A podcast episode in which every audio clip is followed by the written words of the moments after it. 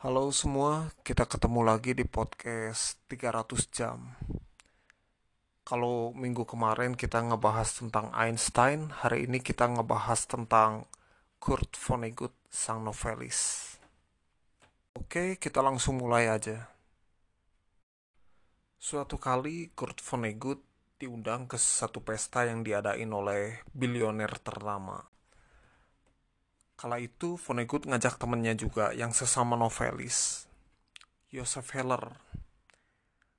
Di tengah pesta, Vonnegut bilang sama Heller, Apa kamu tahu, tuan rumah kita ini dalam sehari bisa ngasilin uang yang lebih banyak daripada novel Catch 22 milik kamu sepanjang hayatnya.